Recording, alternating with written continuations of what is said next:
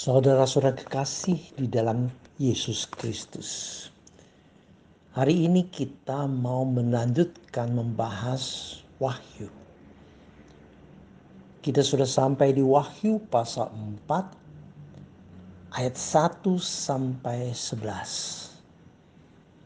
Di berikut dari Alkitab Bahasa Indonesia tertulis dengan judul ke-24 tua-tua dan keempat binatang. Atau ada yang tertulis sebagai sesuatu penyembahan di sorga. Ayat 1 saudara.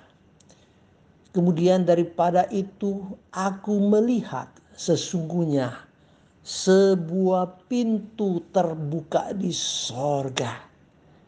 Pintu sorga terbuka ada satu penglihatan yang hebat sekali. Tuhan ingin memberi sesuatu penglihatan tentang sorga. Ketika di dunia ini makin hari makin serupa neraka. Maka Yohanes ini diangkat. Ayat 2 dikatakan bahwa dengan kuasa roh kudus. Dikuasai oleh roh kudus sehingga dia dapat melihat sorga. Dia mengalami sorga itu betapa terkagum dan terpersona. Dan ada puji-pujian yang luar biasa saudara. Kita di sini bisa melihat bahwa di sorga yang paling penting ada takhta. Yang duduk di seorang ayat 3 dia yang duduk di takhta itu nampaknya bagaikan permata yaspis dan permata sardis dan suatu pelangi melingkungi takhta itu gilang menggemilang bagaikan zamrud rupanya. Allah yang duduk di atas itu tidak terlalu bisa jelas tapi sangat mulia maka hanya bisa diibaratkan seperti berbagai batu permata aja. Yang paling penting saudaraku, kita mau melihat di sorga ada takhta. Yang di atas takhta pasti adalah Allah Bapa, Allah yang Maha Kuasa, Allah yang Maha Kudus. Saudaraku, yang hari ini kita mau menghayati adalah ayat 4 di sekeliling takhta itu ada 24 takhta.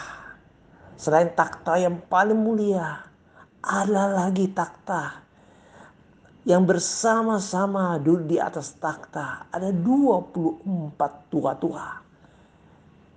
Ada 24 tua-tua yang memakai pakaian putih dan ada mahkota emas di kepalanya. Mereka adalah orang-orang yang dianggap sudah menang bersama dengan Tuhan. Orang yang kuduskan. Tapi di sini pakai nama sebagai tua-tua. Ini adalah simbolik semua umat Allah. Baik di perjanjian lama maupun perjanjian baru. Baik yang disebut sebagai orang Yahudi atau non-Yahudi 12 suku plus lagi dengan 12 rasul berjumlah 24 tua-tua itu. Simbolik semua anak-anak Tuhan, semua pengikut Tuhan yang sudah menang. Diberi mahkota. Diberi duduk bersama-sama di atas takhta. Sesuai dengan janji Tuhan saudaraku kasih Ayat 5 di sini dikatakan dari takhta itu keluar kilat dan bunyi guru yang menderu. Saudaraku kasih, di sini diberikan kita sesuatu gambaran seperti penampakan Tuhan kepada Musa. Pengalaman yang ada di Gunung Sinai itu. Selanjutnya saudaraku yang kasih, enam di sini dikatakan bahwa Ini takhta itu dari 24 takhta itu mengelilingi takhta yang paling mulia itu. Dan empat makhluk ini di sungguh-sungguh mau menyembah Tuhan. Ayat 7 ada pun ada empat makhluk lagi. Ada empat makhluk itu yang bagai seperti singa, yang kedua seperti anak lembu, ketiga seperti manusia, dan keempat seperti burung nasar atau burung raja wali. Untuk lambangkan yang gagah, yang kuat, yang bijaksana, dan bisa terbang tinggi. Empat makhluk ini ada orang mengatakan ini mewakili empat Injil, Injil Matius, Markus, Lukas, dan Yohanes. Di sini empat makhluknya seperti yang tercatat di penyembahan yang terdapat di Yeskel pasal 1. Dan juga penyembahan di sini seperti juga di Yesaya pasal 6. Di situ nyanyikan kudus, kudus, kudus. Empat makhluk ini lambang segala ciptaan Allah untuk mau memuliakan Tuhan.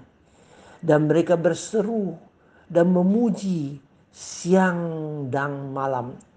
Kudus, kudus, kuduslah Tuhan Allah yang Maha Kuasa. Yang sudah ada dan yang ada yang akan datang. Tuhan yang kudus, lain dari yang lain. Dan Tuhan yang kekal. Semua manusia bisa berlalu. Tapi Tuhan kekal adanya. Saudaraku yang kasih, kita bisa membaca di ayat 9 setiap kali makhluk-makhluk itu mempersembahkan puji-pujian dan hormat dan ucapan syukur kepada Allah yang duduk di atas takhta itu dan yang hidup sampai selama-lamanya. Kita perhatikan ayat 10, maka tersungkurlah ke-24 tua-tua itu di hadapan dia yang duduk di atas takhta itu. Dan mereka menyembah dia yang hidup sampai selama-lamanya. Dan mereka melemparkan mahkotanya di hadapan takhta itu sambil berkata, Ya Tuhan dan Allah kami, Engkau layak menerima puji-pujian dan hormat dan kuasa Sebab engkau telah menciptakan segala sesuatu dan oleh karena kehendakmu semuanya itu ada dan diciptakan. Di sini saudaraku yang kasih sungguh-sungguh mau ingatkan kita tentang siapakah Allah. Ya Tuhan dan Allah kami. Bahasa Yunaninya Kyrios Kai Theos bahasa Latinnya Dominius et Deus suatu gelar resmi dari Kaisar Domitianus Kaisar Romawi pada waktu itu. Tetapi hanyalah Tuhan Allah yang sungguh-sungguh titel ini. Ya Tuhan dan Allah kami bahkan Allah yang sebagai pencipta dari ketiadaan menjadi yang ada. Semua manusia hanya sementara. Manusia tidak bisa apa-apa. Inilah yang indah sekali.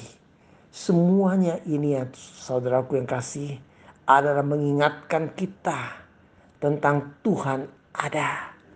Tuhan tetap berkuasa bagaimanapun dan juga mengasihi. Dan Tuhan patut dipuji menjadi tujuan hidup kita. Semua mahkota termasuk corona-corona.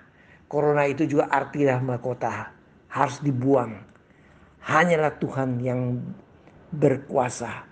Hanyalah Tuhan yang mengasihi. Hanyalah Tuhan yang patut dipuji. Marilah hari ini, saat ini, dan kapan pun hati kita harus terbuka sehingga sorga juga terbuka dan kita mau selalu memuji, memuliakan Tuhan. Amin.